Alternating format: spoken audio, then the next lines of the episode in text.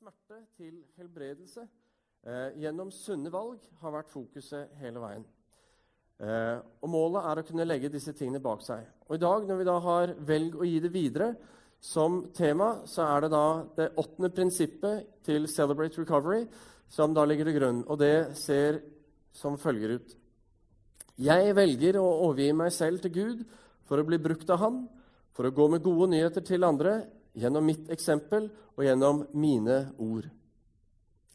Og Det er dette vi skal snakke om i dag. Hva, eller Hvordan kan du bruke dine erfaringer i tjeneste for Gud, både de gode og de dårlige erfaringene? For du skjønner, Gud han ønsker å resirkulere smerten i livet. Han ønsker å omforme det og bruke det til noe konstruktivt. Han ønsker å ta det som har vært ondt, og vende det til det gode og gjøre det til noe vi kan lære av. Og han ønsker å bruke deg, han ønsker å bruke hver enkelt av oss i tjeneste for han. Enten gjennom en gruppe, i en tjeneste i menigheten, eller eh, der du jobber, eller blant venner i fritiden din. Eh, vanligvis så tenker vi veldig lett at det er sånne superbegavede mennesker som Gud bruker. Disse ekstraordinære, eh, sånne som meg, vet du. Ja, eh, Som er flotte å se på. Nei da. Eh, men sånne som er framme i rampelyset, det var det jeg mente å si. Bare tøyser. Eh, men vi har lett for å se på de som står her oppe, enten det er Jorunn, eller det er Jon Åsmund, eller Maria Charlotte, eller Hanne, eller andre som steller seg fram og som sier noe, og så tenker vi at ja, de er så ekstra flinke, de kan Gud bruke. Eh, med meg er det ikke akkurat det samme. For vi tenker de der oppe de er så flinke, og de gjør aldri noe galt. Ikke sant? Sånn som meg, jeg gjør jo aldri synd. Hender jeg er litt tålmodig av og til, men det er ikke så farlig. Utover det så er jeg helt perfekt. Eh, det er også tøys for de som ikke tok den. Eh, men jeg er også en vanlig mann som dere, eh, bortsett fra kvinner. Dere er jo da kvinner. Men mange tenker fort at Gud kan ikke bruke en som meg. Fordi jeg er ikke perfekt. Og eh, hvis Gud skal bruke noen, så er det i hvert fall ikke meg. Men faktum er det at Gud bruker ordinære mennesker. Han bruker mennesker med feil og mangler. Og hvis han skulle forholde seg bare til mennesker som det ikke var feil eller mangler ved, ja, så hadde han ingen å forholde seg til. Fordi det er ingen perfekte mennesker der ute. Og Går vi til Bibelen, så ser vi at Bibelen er full av historier om ordinære mennesker som Gud valgte til å bruke til ekstraordinære ting. Når vi leser Bibelen, så ser vi at uh, Gud bruker de som uh, ikke har fått det til på mange områder, og, så, uh, og som ikke har noe veldig store ting å si om seg selv, men som når de blir brukt av Gud, kan si store ting om Han og bli brukt i tjeneste for Han. Og Det siste steget det handler om å ha Guds tillatelse, altså det å komme til Gud og oppleve at Gud sender oss ut for å bruke oss i tjeneste for Han. Men så har vi alle disse unnskyldningene som vi så lett kommer med. Og eh, Dette er ikke noe nytt fenomen blant oss nordmenn. Fordi eh, Går du tilbake til Moses, f.eks., når han sto i 2. Mosebok kapittel 2 og sto foran denne brennende busken hvor Gud eh, kalte han og ville sende han til Egypt for å hente ut israelsfolket, så kommer han med den ene unnskyldningen eller forsøket på å forklare bort at han er den rette personen, etter den andre. Han kjører på og kjører på. For eksempel sier han men jeg er jo ikke noe flink med ord. Jeg er jo ikke noe flink til å prate for meg. Så sier, svarer Gud på en enkel måte men hvem er det som har gitt mennesket munn? Say no more. Gud han har gitt deg alt det du har. Han har skapt alt ved oss, og han kan bruke det til sin tjeneste. Gud vet hvem han kaller, og Gud har en plan og ingenting er skjult for han. Så for oss å prøve å diskvalifisere oss selv når Gud kommer, det eh, tenker jeg det er på en måte å si at Gud, du har ikke skjønt det. Og det har han jo som regel. Men uansett, jeg vet ikke om du kjenner deg igjen i det, men vi har en evne til å diskvalifisere oss selv. Eh, fordi kulturen vår sier at du skal ikke tro at du er noe. altså Du skal ikke hevde deg selv på noe vis. Det eneste jeg kjenner som på en måte har brutt litt med det mønsteret Hun eh, satt i et intervju, jobbintervju, og så ble hun spurt Hun var ikke forberedt på dette, men hun ble spurt eh, har du noen svakheter. Men helt stille, og hun tenkte fælt lenge. Nei, hun kunne ikke komme på noen. Eh, og for alle oss andre så finnes det nok sånn at eh, Jeg vet ikke om det er ingen her som har noen svakheter. Det er bare meg. Men sånn er det. Og kanskje gjelder dette aller helst i møte med Gud. At vi føler at her er det noe eh, som enten vi ikke har kontroll på, eller at det er for stort for at det skal involvere meg. Eh, så prøver vi å diskvalifisere oss selv. Og vi ser på andre som gjør det som hører at Gud skal kalle oss til, og så tenker vi nei, dette kan ikke vi. Vi tør ikke, vi klarer det ikke. Vi har ikke erfaringen, vi har ikke kunnskapen. Vi er bare osv. osv. Eh, pro problemet er det fordi det vi ser, det er disse supermenneskene, ikke som meg. Men eh, disse supermenneskene som eh, sier at eh, du må bare be, vet du, så ordner alt seg med en gang. Alt er bare helt fint. Hvis du kommer til en forresten, her forleden dag ikke sant, så var jeg ute og handlet. Jeg var på dagligvarebutikken. Og det som skjedde, vet du, var jeg var på Rema, og så fikk jeg et sånt Rema-ord. Et åpenbaringsord. Så ble alle frelst. Til og med handlekurvene, fordi all ølen ble satt tilbake i hyllene. Og alt bare ordna seg likt sånn. Eh, det finnes sånne bilder av mennesker. Av og til hører vi disse historiene, og vi tenker Wow! Så god blir aldri jeg. Eh, men når vi tenker sånn, så fører det til på den ene siden at vi blir overfokusert på person. Sant? Vi tenker 'Å, se på han, se på han, se på han'. Og på den andre siden så bygger vi avstand til den tjenesten som Gud ønsker å bruke oss i. Eh, når noen snakker om sin egen styrke, så tenker mange ja, men det er jo fint for deg at uh, du er så flink eller kan det, osv. Men når vi snakker om vår egen svakhet, så eh, tenker vi lettere at Oi, men hvis hun var sånn, eller hvis han var sånn, og så kunne de oppleve å være med på det hm, Kanskje er det lettere for meg. ikke sant? Poenget er at når vi deler de tingene som vi har vært igjennom, så åpnes, åpner andre seg for det at Gud kan bruke også dem. For Gud ønsker å bruke våre svakheter like mye som han ønsker å bruke vår styrke.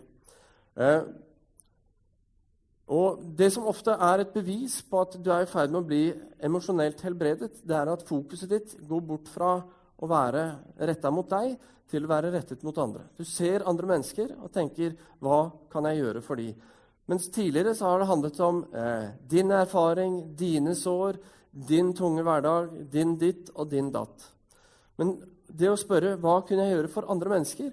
er et tegn på at det er en helbredelsesprosess på gang i livet ditt, og det er bra. Eh, og det å flytte fokus over på andre er noen av de eh, viktigste stegene vi tar i helbredelse i forhold til egne sår og smerter. Eh, fordi det å gi er faktisk viktigere enn å få. Og når vi gir, så opplever vi også at vi får. Fordi greia er at Gud han kaster aldri bort en smerte. For Gud kan og vil ta smerten din, og han vil omforme den, og han vil lege den. Så, den til, så, du kan få lov til å vokse og bruke den til hjelp for andre. Men hvorfor er det sånn at Gud i det hele tatt tillater smerte? kan du spørre. For smerte er jo ikke noe godt. Det finnes mange grunner til det, men vi skal se på fire grunner til det i dag. For det første Gud han har gitt oss en fri vilje.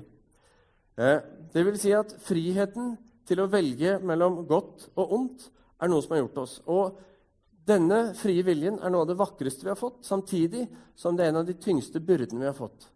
Fordi evnen til å bruke den frie viljen til å velge dårlig, den eh, er så lett for oss. Og så er det ikke bare det at den er lett for oss, og at den har konsekvens for oss, men den har ofte en konsekvens for omgivelsene våre. Men på samme tid så er det også en fri vilje til å velge noe godt, til å skape noe nytt, og til å eh, være til velsignelse for andre.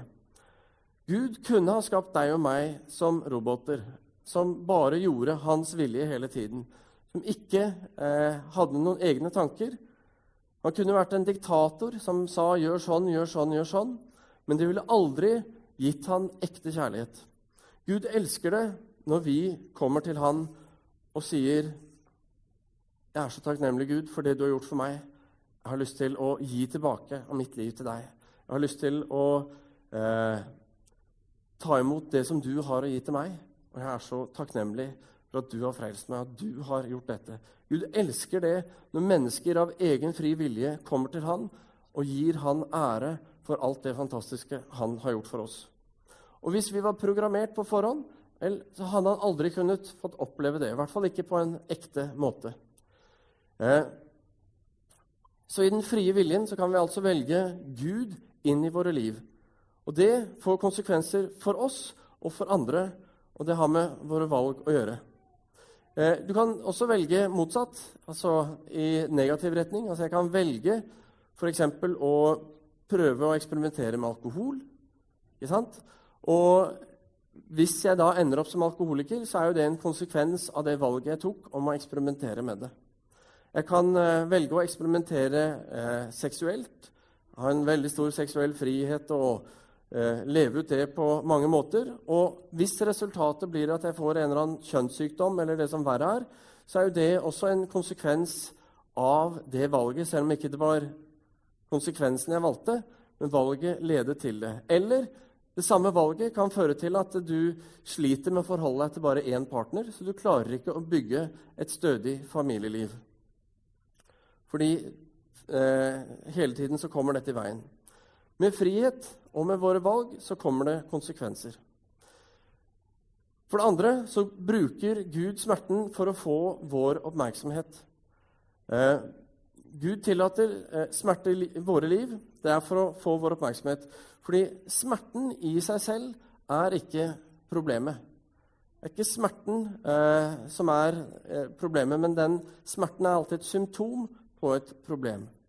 Eh, depresjon i seg selv er ikke problemet, men det er en indikasjon på at det er noe annet som er galt. Angst likeså. Det er varsellamper om at det foregår noe dypere i livet ditt.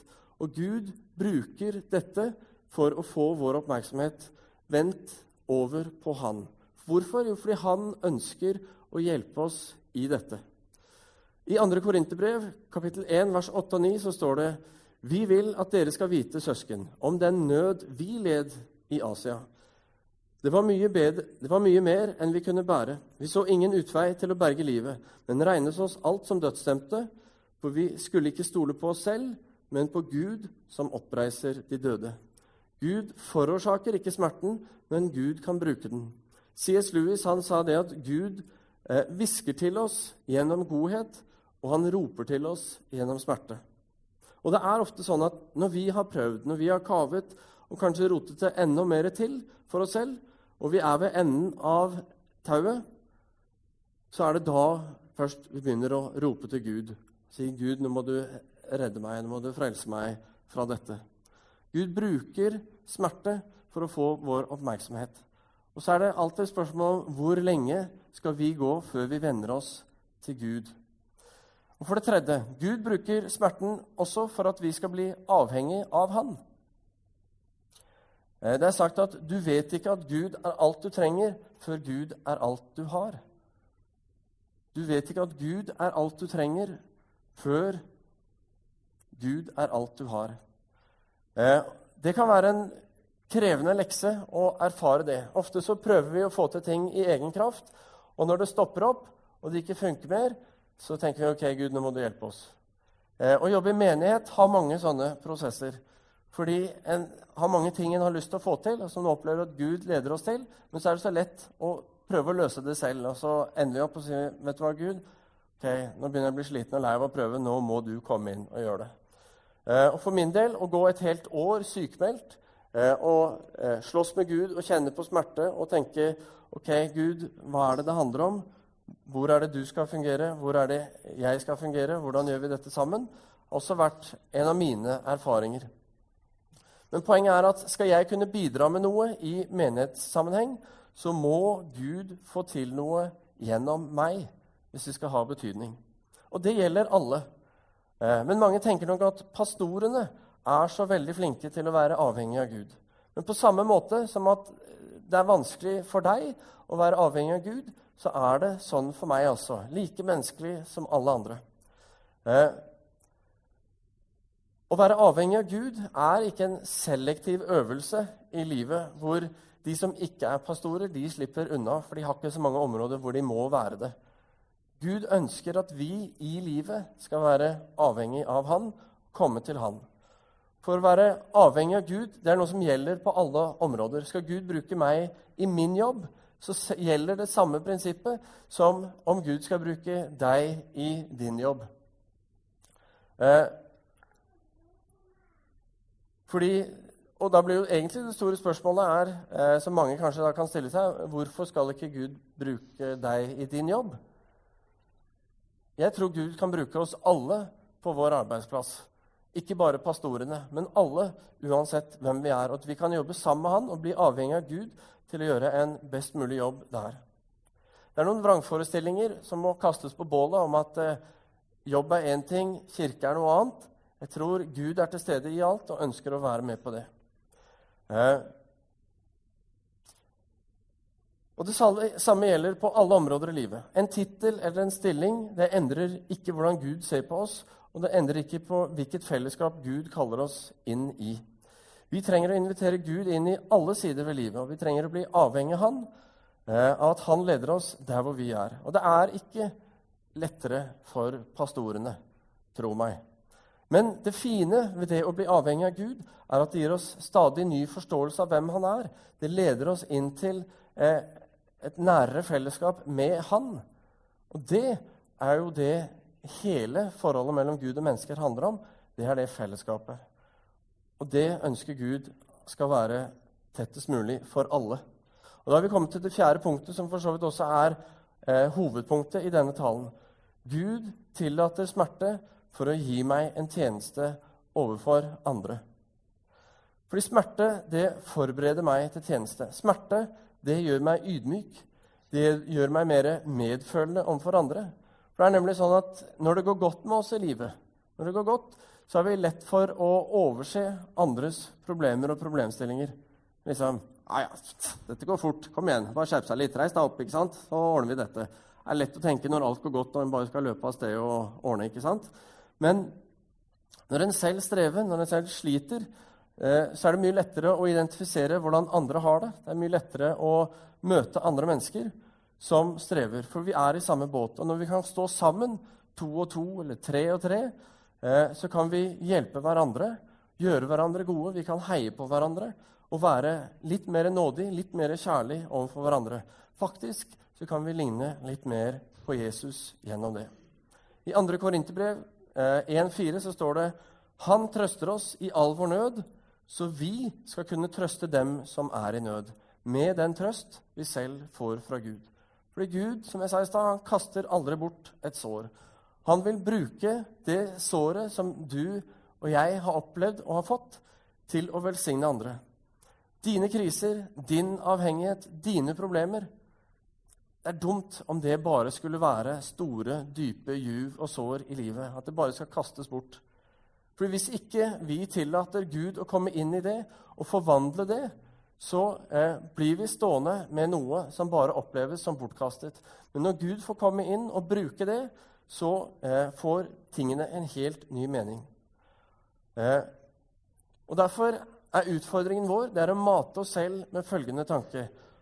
Alt det som vi går igjennom i livet, det skal bli til velsignelse for andre mennesker. Alt det vi går igjennom i livet, skal bli til velsignelse for andre mennesker. Eh, det du har opplevd, kan du bruke til å hjelpe andre som må gjennom noe av det samme du har vært. Gud vil bruke din smerte for å sette andre mennesker fri. Bli en velsignelse for andre. Ikke gi deg før dine kamper har blitt til hjelp for andre. Ikke eh, gi opp. Gud er der, og søk hjelp. Søk Han. Søk en du kan stå sammen med. Og jeg tror når vi begynner å dele våre historier, så er vi med på å omforme en kultur hvor vi tror at alle har det bra, og at alle klarer seg så fint. For det er ikke det som er sannheten. Så er spørsmålet da, hvordan skal vi dele historien vår med andre? For det første, og her kommer kanskje dagens hjemmelekse fordi du kan bestemme deg om disse åtte søndagene som vi har hatt med denne prekenserien, bare skal være åtte søndager og ferdig med det. Eller om det skal være åtte søndager som har fått være med til å bidra til en forandring i ditt liv. Og har du ikke fått med deg alle, så går det an å tette hullene ved å høre på de du ikke har fått med deg. De ligger ute på hjemmesida vår eller på iTunes. Eh, men det du skal gjøre, er å begynne med å skrive ned alle dine erfaringer i livet som du kommer på. Lag en liste over de ting som du har gått gjennom livet eh, fram til i dag. Og Det hørtes ut som en kjempediger og overkommelig oppgave. Greier Når du først begynner, så er det ikke så altfor mange ting du kommer på. Men når du setter i gang, så blir det bedre og mer. De gode erfaringene og de dårlige erfaringene. Fra oppveksten din, familielivet ditt, skole, venner, hobbyer, slekt, hvor du har vært, osv. Og, så og ting dukker opp. Og Det blir som å lete gjennom et arkiv. på en måte. For du går inn og ser bare, ok, her er det masse, men hva er det egentlig? Kanskje har du vært på loftet av og til og kikket i en gammel boks, ikke sant? og så ser du masse ting fra langt tilbake. Det blir eh, litt på den måten her. Og når du går gjennom tingene, når du ser på listene, så spør deg selv ok, eh, hvordan har Gud hjulpet i dette. For det er ikke alltid vi ser det her og nå, at Gud hjalp meg her og nå. Men vi kan se det i ettertid, og det er viktig. Og det andre som du skal gjøre, det er å spørre deg selv hvem kan ha mest nytte av å høre min historie og få del i den erfaringen jeg har. Og i ni og en halv av ti tilfeller så vil det være folk som er i en tilsvarende situasjon eller, gjennom, eller er på vei gjennom noe lignende det du har vært. Altså, hvem kan bedre eh, hjelpe en som er ufrivillig barnløs, enn en som selv har vært det? Eller hvem kan bedre hjelpe en som har mistet sitt barn, enn en som selv har mistet det? Hvem kan hjelpe en som eh, sliter med avhengighet, pornografi f.eks., eh, bedre enn en som har vært gjennom det og blitt fri, satt fri fra det? Din historie er best egnet eh, til å hjelpe de som er på vei gjennom det samme. Så lag en liste over hvem kan disse personene være. Og antagelig så vil ikke det være veldig mange mennesker. Fordi i Norge i dag og i menigheter så er vi ikke veldig åpne og her er mine ting, og dette er min smerte. Så du kan skrive opp meg på, liste, nei, på din liste, og så kan vi snakke sammen etterpå. Altså, vi er veldig tause og stille om ting som er vanskelig i livet. Dessverre. Og Det gjør at det blir vanskelig å stå sammen på dette. Men spør Gud. Hvem er det? Og kanskje, hvis du går og bærer på noe og skulle ønske at noen kunne hjelpe deg, ja, så gå til Gud, du også. Så kanskje han leder dere sammen. Eh, Da har vi kommet til ja, og neste. Be så til Gud og si at du er klar til å bli brukt. Si OK, Gud, jeg opplever at nå er jeg kommet til et punkt hvor jeg kan dele dette med andre. Eh, Gud, jeg ønsker å bli brukt av deg. Og når du gjør det, så tror jeg ikke du kommer til å være arbeidsledig altfor lenge. Fordi Gud ønsker å bruke dine erfaringer til velsignelse for andre. Fordi det er mennesker som trenger å høre din historie, min historie, og som trenger en medvandrer.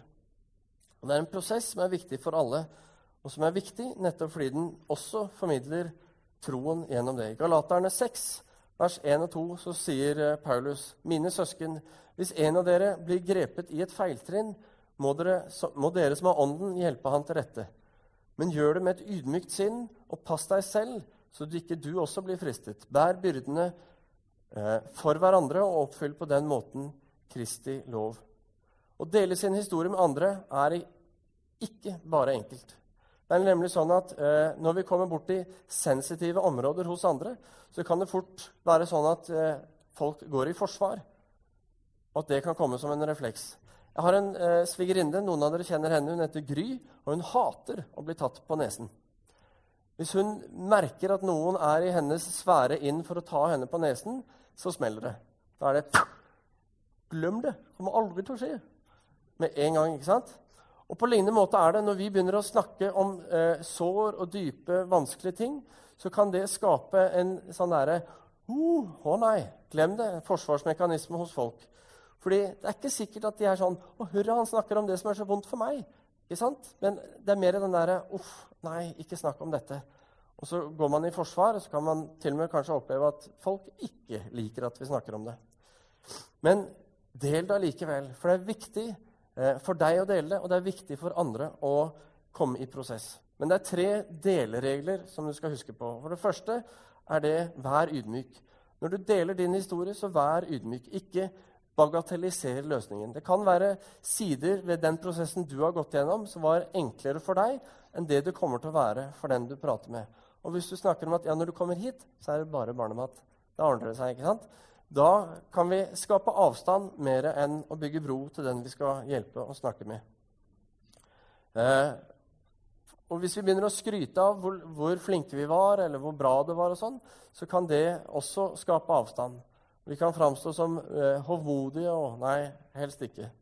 Kanskje litt sånn som dere følte i stad når jeg prøvde å beskrive meg som så veldig bra. Som jeg jo ikke er. Men del ydmykt, og husk eh, I den prosessen du gikk, så er det mange som har bedt for deg. Mange som har stått ved din side, og som er en viktig del av det. For det andre, husk å dele ved å være ærlig. Vær ærlig om den smerten du har, om de kampene og de dårlige valgene og de konsekvensene det fikk.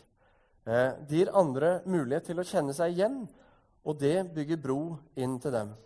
Å være ærlig er å modellere noe for andre som gir dem selv muligheten til å være ærlig. Når vi er tilbakeholdne, så modellerer vi tilbakeholdenhet og eh, gjør sånn at mange kanskje ikke får muligheten til å få satt ord på og jobbet med de tingene som faktisk var viktig å gjøre. Det betyr ikke at alt skal skje uten filter. For all del at alt, alle detaljer skal fram. Men eh, der får vi bruke fornuften så godt vi kan. Og Hver gang du deler din historie, så vit det at det bringer håp til de som hører på. Og når du er med og gir håp til andre, så er du også med og gir legedom til deg selv. Det er en dobbel effekt og demonstrerer 'gi, så skal du få'-prinsippet. Folk som kommer med i eh, Celebrate Recovery, eh, de har kommet pga. sin smerte. Så folk som har eh, reagert positivt på disse tingene, for de kjenner at dette taler til noe viktig i livet. Eh, men ofte er det å dele sin historie en stor utfordring.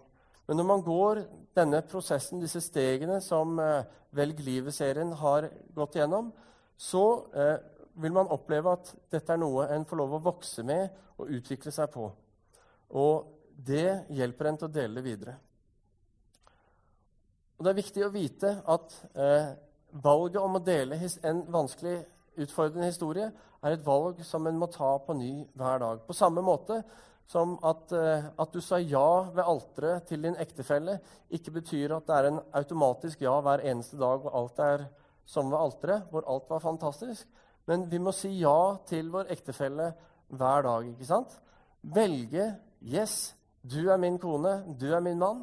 Det er deg jeg har valgt. Deg skal jeg være trofast ved, deg skal jeg elske, osv. På samme måte overfor de som vi har tilgitt. Mange ganger er det vanskelig å tilgi, eh, og vi kan tilgi der og da. Men så kan det skje noe som ripper det opp, som ikke nødvendigvis den andre er skyld i, men som gjør at det er vanskelig å stå ved den tilgivelsen. Så vi er nødt til å velge å tilgi igjen og igjen. Og På samme måte må vi velge å dele historien. Men gjennom valgene våre så får vi også se frukter av valgene. Og det bringer håp, og det bringer eh, legedom for andre og for en selv. Og Det finnes faktisk ingen bedre tjeneste enn det, tror jeg. Og det tror jeg vi lengter etter å se mer av, vi nordmenn. Det er at eh, vi kan være med å gi håp, og vi kan være med å eh, løfte andre opp og kjenne at det løfter oss selv opp. Og det tredje er ikke belær, ikke vær belærende. Eh, ingen liker det. Du kan ikke argumentere folk til himmelen eller ut av en eh, vanskelig situasjon. Du kan ikke tvinge et eneste menneske til forandring. Men du kan dele din historie. Våge å være ærlig og la Gud bruke deg og dele det han har gjort i ditt liv. Og så lar du Den hellige ånd gjøre den andre jobben. Og ok, hva skal Den hellige ånd gjøre? Det kan være et vanskelig spørsmål, men vi skal etter denne serien, altså fra 20. mai, så har vi en ny eh, prekenserie som heter Den hellige ånd. Hvor spør, vi spør oss selv hvordan kan vi erfare en Gud vi ikke ser. Vi skal prøve å eh, gå litt sånn basic gjennom hvem er Den hellige ånd, og oppmuntrer deg til å komme og få med deg den. Begynner 20. mai og går fram til 3. juni. Men nå som vi da er ved slutten av denne serien, så kan vi spørre oss selv ok, nå har vi hatt åtte uker med Velg livet. Vi har gått gjennom flere valg. Hva så? Eh, mange har satt pris på forkynnelsen. Vi har fått mye god tilbakemelding, for det har vært viktige ting som har blitt tatt opp. Eh, og det har også vært sånn at noen av temaene, eller stadiene, fordi det er en progresjon her, har talt sterkere til noen enn til andre. Så har det gått litt sånn om hverandre. Men For noen så har det kanskje ikke rørt noe særlig. Man kan eh, lett tenke at en, jeg sliter jo ikke med de store tingene, så dette er kanskje ikke så aktuelt for meg. Men la meg da stille dette spørsmålet når vi går mot slutten. Når du ser tilbake på ditt liv, er livet ditt ryddet i? Har du kanskje ting i livet ditt som du ikke vil at andre skal finne ut av? Har du et skap som bare for all del ikke må lukkes opp? Er det punkter i livet ditt som hvis noen nevner et navn eller et sted eller eh, en hendelse, så får du frysninger og bare stivner helt? Hva har du tenkt å gjøre med det? Hva gjør, gjør du med disse tingene som ligger der, som du aldri tar tak i? For det vi holder på med, og det livet handler om, er ikke søte historier, men det handler om forvandla liv. At Gud kommer inn og tar noe som er smertefullt og vondt, og skaper noe godt og nytt ut av det. Og Det er vårt ønske for deg. Og vi vil at når vi ser tilbake, så skal vi se eh, fortiden vår og se at Jesus har vært med oss, og at eh, andre mennesker har gått der sammen med deg og ledet deg. For det finnes ingenting du trenger å frykte. Faktisk er det sånn at eh, det, kan bruke, altså, det kan hjelpe deg til å bringe legedom fram til andre. Ok, Du kan ha dine hemmelige bønner og ønske at Gud skal bruke deg. Da må, i, eh, da må, Gud få tak i livet ditt, og han må få tak i de tingene. Har du en klump der som alltid er bare vanskelig, kanskje virker som forsteina, umulig å gjøre noe med, sørg for å gå til Gud med det. Og sørg for å gjøre det sammen med en annen enn også. Det er vanskelig å gjøre disse tingene alene, selv om det er fristende. Vi tror her i Misjonskirken, og eh, Celebrate Recovery tror også det, at Gud kan helbrede alle ting. Men de færreste ting ser vi av livet, viskes ikke bare ut fordi vi ba Gud om å komme. Fjern alle minner om det. La alt bare være ålreit. Nei, han tar det som er vondt, og så lar, hjelper han oss igjen med en prosess hvor vi kan få lov til å eh, få snudd dette. Gud tar det onde og vender det til det gode. Og det vi har gjort gjennom disse åtte stadiene, er å lage et akronym som heter Frigjort, skal det stå. Den gamle prosjektoren henger der ennå. Eh, kan hende den skal brukes igjen. Vi får se. Men eh, frigjort, og det er disse åtte stadiene. Og da, På den første så sa vi 'velg å være ærlig'. Altså vær ærlig. Forstå at du ikke er Gud. Velg å tro. Altså regn med at Gud fins. Sats på Han. Velg å overgi deg. Ok, Det handler om å innvie seg bevisst. Velge å gå for dette. Velg å gjøre opp. Gjøre en ærlig etterprøving, litt som vi beskrev nå. altså Se tilbake på ting og gjøre noe med det. Og eh, velg å bli forvandlet. Og Det handler da også om å frivillig være villig til å la Gud justere inn i livet. Velg fellesskap med andre. Det handler om å ordne mine relasjoner. Eh, og sørge for at ikke jeg går rundt og ikke kan ha fellesskap med andre, for de er ting som ligger der. Velg å vokse handler om å sette av tid daglig sammen med Gud og sørge for at han får lov til å begynne å så inn i våre liv. Og som vi har snakket om i dag, velg å gi det videre. Det handler om å stille seg selv framfor Gud og si, 'Gud, jeg ønsker å bli brukt av deg.' Og jeg tror at dette siste steget ikke er noe vi skal låse inn i ok, jeg har ikke hatt de store smertene. Jeg tror det handler like mye om eh, din troshistorie, om hva Gud har gjort i ditt liv. Og det å våge å fortelle den. For mange kristne vi snakker ikke om det. Vi har ikke formulert vårt eget vitnesbyrd eller vår egen eh, troshistorie som vi kan dele med andre. Vi tenker at nei, dette er ikke noe. Dette har ikke noe ved seg. Jeg, det er så lite det jeg har opplevd, eller et eller annet. Men poenget er at det er ikke sant at det er lite. Det er noe som er med og hjelper og er til begeistring for alle. Eh. Og så har jeg lyst til bare en aller siste utfordring. Bli med i en gruppe. Ikke lev dette livet alene som en kristen. Eller om ikke du har sagt ja til Jesus, men ikke lev livet alene. Kom inn i en gruppe sammen med andre mennesker hvor du kan få lov til å dele liv, dele tro, dele livserfaringer hvor du kan få lov til å bli ansvarliggjort, hvor du kan få lov til sammen å se ok, hva sier Gud inn i vår hverdag, inn i våre liv. Det er en utrolig viktig del og ramme av livet som vi lever. Så jeg har lyst til å oppmuntre deg til på det sterkeste. Og det har vi tilrettelagt for her i menigheten. Så lurer du med på det, så er det brosjyrer ute i gangen. Eller du kan ta kontakt med meg, eller du kan gå på Internett osv. Vi skal be. Kjære himmelske Far, jeg takker deg, Herre, for at uh, det ikke er noen uh, sår, Herre, som du ikke kan lege. At det ikke er noen bindinger, Herre, som du ikke kan sette oss fri fra. At det ikke er noen avhengighet som er for stor, Herre. At, at uh, vi kan få brutt de lenkene som er satt på oss, Herre. At ikke det finnes noe ved oss, Herre, som du ikke kan komme inn og vende til noe godt som blir til velsignelse for oss og for menneskene rundt oss. Og Herre, jeg bare ber om at vi skal få en eh, ny tanke, en ny forståelse og en ny kultur i menigheten og i våre liv som kristne, Herre. Hvor vi ikke skjuler på våre svakheter, men vi ser at gjennom vår svakhet så blir vi sterke. Fordi vår svakhet det gjør oss avhengig av deg. Det synliggjør deg og behovet for deg i våre liv. Vi trenger å være avhengig av deg i livet.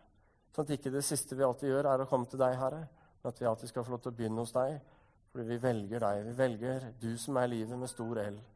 Og takk, Herre, for at du selv har sagt det, at du både er veien, og du er sannheten, og du er det livet, Herre, som du ønsker å gi til oss, som vi skal få lov til å velge å leve i.